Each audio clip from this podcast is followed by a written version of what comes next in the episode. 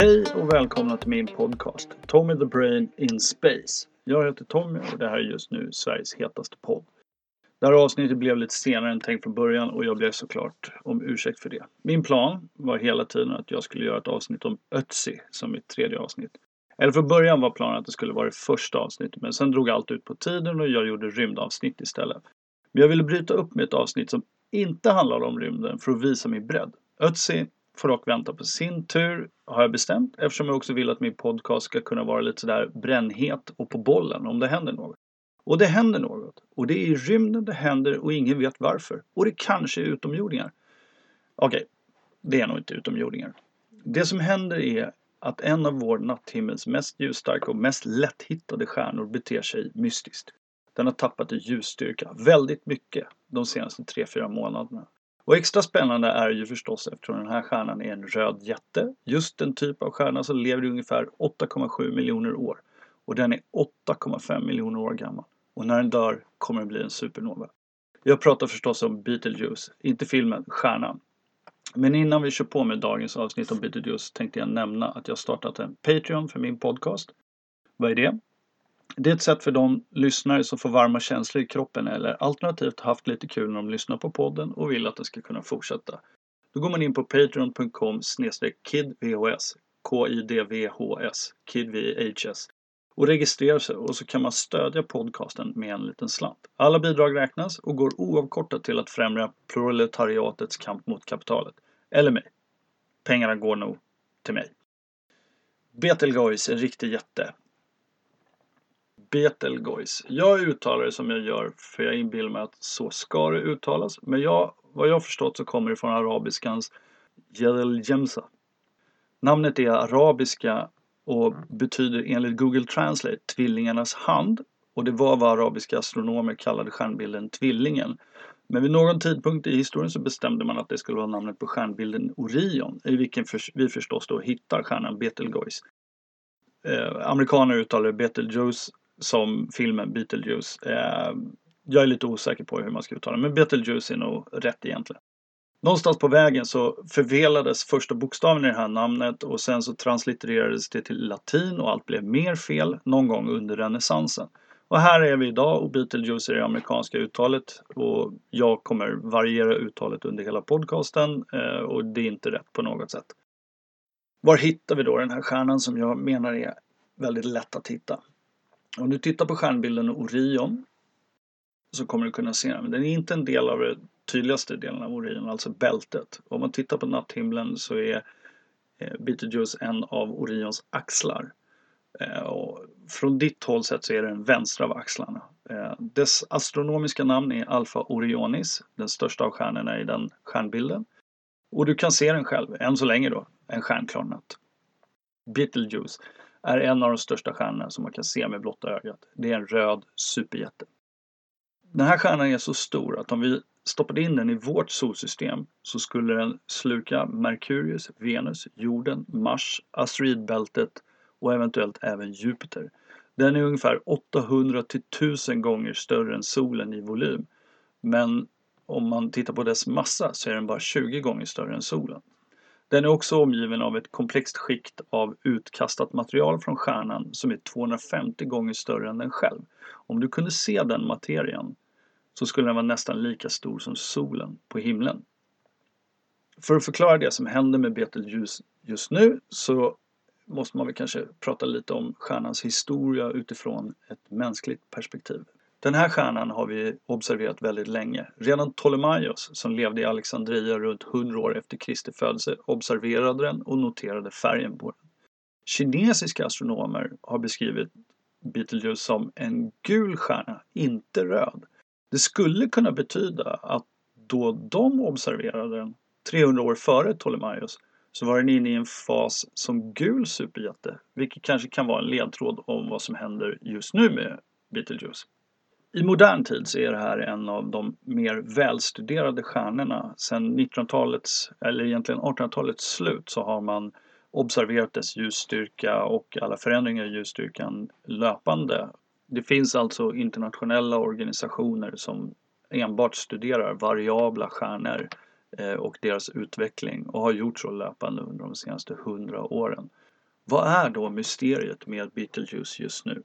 Jo, det här började i oktober 2019 så det är väldigt eh, nyligen som det här börjat inträffa och den, har, den här stjärnan har tappat i lyskraft och väldigt rejält. Den har gått från 0,5 i magnitud till 1,5. Eh, jag vet, vad, vad är det? Magnitud. Eh, på svenska så heter det här skenbar magnitud och på engelska apparent magnitude. Det är ett mått på hur starkt något lyser på himlen. Betelgeuse är mycket ljusstark och också relativt nära oss, bara ungefär 600 ljusår bort.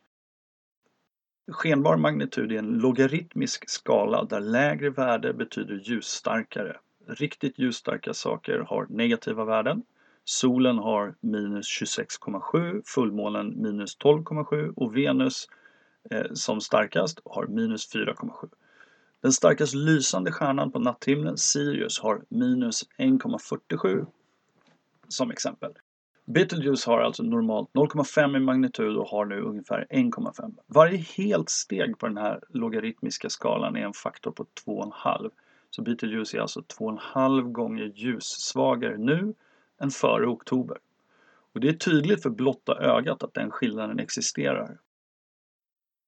Som jag nämnde tidigare har vi observerat Betelgeuse med relativt moderna metoder i ungefär 100 år och vi har noterat ljusstyrkan noga under den här tiden. Och den är nu blekare än vi någonsin observerat den under de 100 åren. Det här fenomenet har inte observerats tidigare. Inte hos någon stjärna av samma typ. Någonsin. Någonsin i det här sammanhanget är ju då alltså de senaste 150 åren kanske så det finns ganska mycket tidsrymd innan det då vi inte har gjort de här observationerna. Så det finns osäkerheter osäkerhet i det här. Är det här något som är helt normalt eller är det en viktig avvikelse? Ja, det är en viktig avvikelse för vi har inte sett det hos några stjärnor av den här typen. Typen som jag sa tidigare, det är alltså en röd superjätte. Och det betyder i praktiken att den är döende. Stjärnor består från början mest av väte som trycks samman av gravitationen tills trycket slutligen tvingar väteatomerna att fusionera, tryckas ihop så att de börjar bilda helium. Det är det som vår sol gör nu och kommer fortsätta göra i ungefär 5 miljarder år till, vilket ju är ganska skönt om man vill fortsätta leva. Men Betelgeuse har gått förbi den här vätefunktionsfasen. När en stjärna har konverterat allt väte till helium så finns det inte längre någonting som hindrar gravitationen från att trycka ihop stjärnan ännu mer. Gravitationen slutar liksom aldrig att verka. Trycket ökar och fusionen startar igen när trycket är tillräckligt stort. Men nu är det alltså helium som pressas ihop till kol och syre. Ett skal av vätgas runt Betelgeuse har också tänts på och svält ut till den här, gjort att stjärnan har svällt till den här enorma volymen. Och senare i livsfasen för en sån här röd superjätte så kommer den alltså göra slut på allt helium. Den kommer dras ihop igen och trycket kommer öka och heliumet kommer funktionera vidare till tyngre och tyngre grundämnen. Först neon, sen magnesium via kisel och till järn och nickel. Men fusionen till järn och nickel ger ingen överskottsenergi.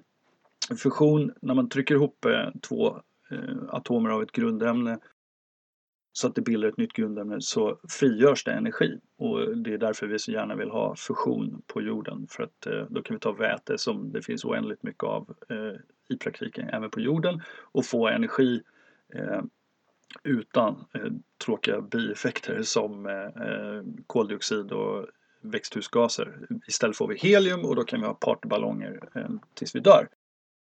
Utan den här överskottsenergin då så finns det ingenting som trycker ut stjärnans material och hindrar gravitationen från att pressa ihop den ännu mer. När stjärnan då har konverterat materien till järn och nickel så kommer allt material som stjärnan består av kommer tryckas ihop väldigt snabbt. Det kan gå på några sekunder och jag har läst också att den här sista fusionssteget när den skapar järn och nickel det kan gå på några minuter. Materien i de yttre lagren kommer då vid det här steget i stjärnans liv att accelerera in mot mitten av stjärnan i en hastighet av uppemot 23% av ljusets hastighet. Och den här plötsliga kompressionen av stjärnans material kan höja temperaturen i den till 100 miljarder grader Kelvin. Och om du vill ha det i Celsius kan du bara dra av 273 från det så du får 99 miljarder, du förstår. När det här sker så frigörs 10 upphöjt till 46 joule energi under 10 sekunder. Det är lika mycket energi som vår sol ger ifrån sig under hela sin livstid på 10 miljarder år. Kollapsen stoppas till slut när den inre delen av kärnan är så ihoppressad att den endast består av neutroner som inte längre kan pressas ihop mer. Och det är en ganska komplicerad affär. Varför kan de inte pressas ihop mer? De kan inte det. Då kommer materian som rusar in studsa på den här inre neutronstjärnan utåt i en chockvåg. Och den chockvågen är så kraftig att den accelererar all materia som inte är den inre kärnan utåt så att materian flyr stjärnans gravitationsfält i en supernova-explosion. Chockvågen och de höga temperaturerna försvinner ganska snabbt men under den här tiden då de existerar så kan grundämnen som är tyngre än järn bildas. Betelgeuse är i slutet av sin livstid och dess dödsryckningar har förmodligen inletts. Men de flesta astronomer som jag har läst med, med, som har något att säga om det här menar att den borde explodera någon gång under de kommande 100 till 200 000 åren. Så inte nu. Hur kan vi då veta att Betelgeuse är 8,5 miljon år gammal? Och därför då veta att den är i slutet av sin livscykel. Astronomer avgör en stjärnas ålder med flera olika metoder och den historiskt mest använda metoden är att man tittar på stjärnans spektra, alltså ljuset som stjärnan avger och eh, vilka våglängder som ljuset består av. Och det ljuset beror alltså av de ämnen som stjärnan består av och använder som bränsle och de ämnen som skapas i processen. Allt det här skapar ett fingeravtryck i ljuset och man har modeller man kan jämföra datat med för att uppskatta åldern och hur mycket längre stjärnan kvar har att leva.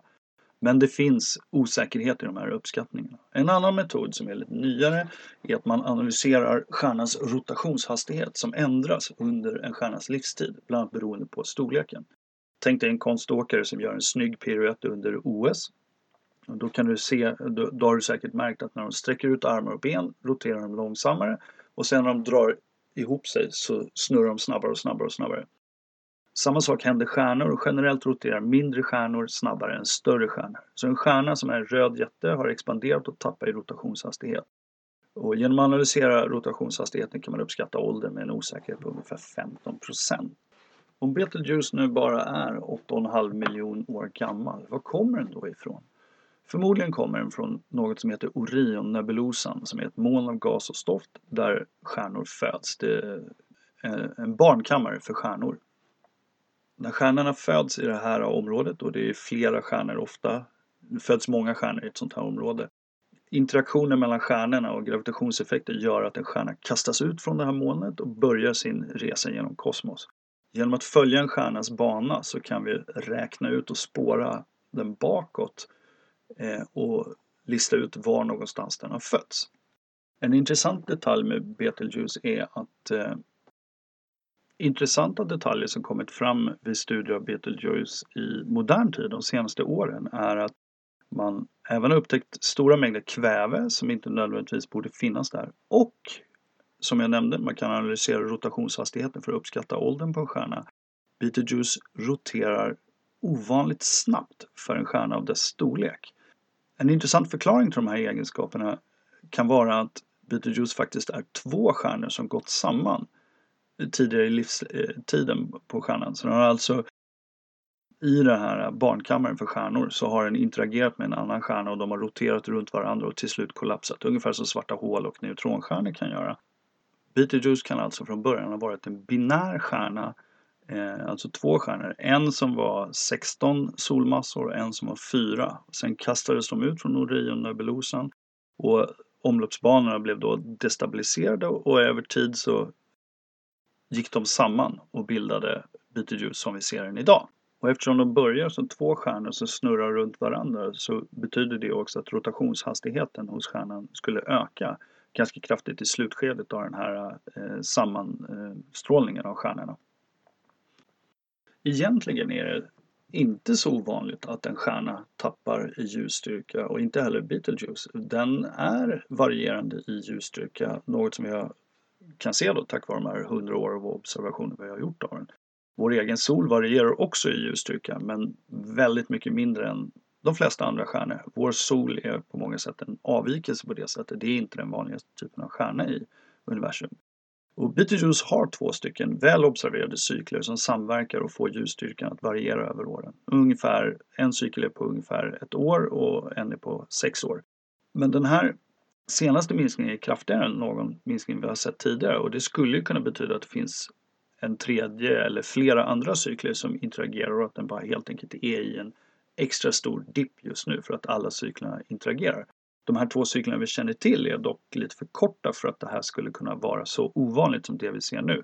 En cykel på ett år och en på sex år kommer naturligtvis interagera med varandra var sjätte år och det här är något som vi inte har sett på mer än hundra år. En annan tänkbar förklaring till eh, att det här sker är ju naturligtvis att det helt enkelt är någon form av materia som har hamnat mellan oss och Betelgeuse. Kanske är det material som har slungats ut från stjärnan i någon eh, händelse och som gör att ljuset helt enkelt eh, minskar på grund av det. En annan teori som vi alltid måste ta upp i de här sammanhangen är att det är utomjordingar som bygger något enormt som är i vägen. Man vill ju att det ska vara så, men det är förmodligen inte så. Om det nu skulle vara Betelgeuses dödsryckningar vi ser och den blir supernova, vad kommer hända med oss då? Vi som bara är 600 ljusår bort från den. Och de goda nyheterna är att förmodligen kommer ingenting hända. En supernova är en enorm kataklysmisk händelse i kosmos och man vill inte vara nära en sån. Men avståndet eh, skyddar oss. Den största risken för någon som skulle vara i närheten, till exempel en planet, är när de yttre lagren av stjärnan skjuts ut. Då en supernova sker så kommer ungefär 10 upp till 60 protoner att slungas ut från stjärnan. Det är ett väldigt stort antal protoner ifall du undrar. Protonstrålning används för cancerbehandling eftersom protoner slår sönder DNA. Så om vi var närmare Betelgeuse och inte hade magnetosfär och atmosfär som skydd så skulle, skulle det här vara en dålig stund för mänskligheten. Solen, vår egen lilla livgivare, skjuter ut massiva mängder protoner vid solstormar och de kan påverka elektronik på jorden och om, man, om jorden skulle hamna i eh, skottlinjen för en sån här solstorm skulle vara väldigt dåligt för människor som befinner sig ute i rymden utanför atmosfären och utanför magnetosfären eller på gränsen av magnetosfären. Till exempel om man är astronaut på ISS. I intervjuer med eh, personal på NASA så har de helt enkelt sagt att eh, det där är ingenting vi kan göra något åt och vi kan inte skydda oss och vi kan i princip inte få någon förvarning. Så de tar inte hänsyn till det. I princip så skulle det innebära att om ISS träffades av en solstorm så skulle den gå sönder och alla ombord skulle dö. Men det är väldigt osannolikt att det händer. Eh, man får komma ihåg att rymden är väldigt, väldigt stor. Jorden är väldigt, väldigt liten. Oddsen för att det här händer är ganska små. När Betelgeuse blir en supernova så blir det en spektakulär händelse för oss som observerar från jorden i alla fall. På himlen skulle det plötsligt, den här stjärnan plötsligt bli det tredje ljusstarkaste objektet. Ungefär lika starkt lysande som fullmånen. Och den skulle kunna vara synlig även dagtid. Så jag vet vad jag hoppas på. Att få se en supernova med blotta ögat är något som inte händer varje dag och det skulle vara en rätt fantastisk syn. Ja, det var det jag hade att säga om den här aktuella händelsen inom astronomi och du hade kanske hoppats på att jag skulle kunna ge ett tydligt svar på den här frågan. Du har ju själv gått och funderat på vad beror det på att jag har så svårt att se Betelgeuse nu för tiden? Jag har inget tydligt svar på vad det här skulle kunna bero på och det beror ju framförallt på att jag inte är astrofysiker, inte har ett radioteleskop, inget vanligt teleskop eller tillgång till all data rörande. Men också på att de som är astrofysiker och har teleskop och liknande har inte heller några bergsäkra hypoteser kring varför det sker. Det är ett ovanligt fenomen som inte tidigare har observerats hos stjärnor av liknande typ och allt vi egentligen kan konstatera är att varje gång vi tittar ut i rymden så lär vi oss nya saker om hur allt fungerar och måste bara studera det mer. På det här sättet är astrofysik lite annorlunda jämfört med till exempel kärnfysik. En kärnfysiker skapar modeller och teorier för att förklara observerade fenomen och designar sedan experiment som kostar flera miljarder, till exempel LHC på CERN, för att bekräfta eller förkasta de här teorierna. Astrofysiker får helt enkelt observera universum, se saker hända och konstruera förklaringar och modeller i efterhand. Man kan liksom inte skapa ett experiment i förväg och sedan genomföra det i rymden. Tack för idag och jag vill påminna igen om eh, min Patreon och framförallt tacka mina första tre Patreons för sitt stöd. Varje krona räknas. Gå till patreon.com kidvos om du vill stödja podcasten. Alla lyssnare är välkomna oavsett. Min ambition kommer alltid vara att hela podcasten ska vara tillgänglig för alla. Till nästa gång, var försiktig där ute. Universum innehåller bokstavligt talat allting som finns.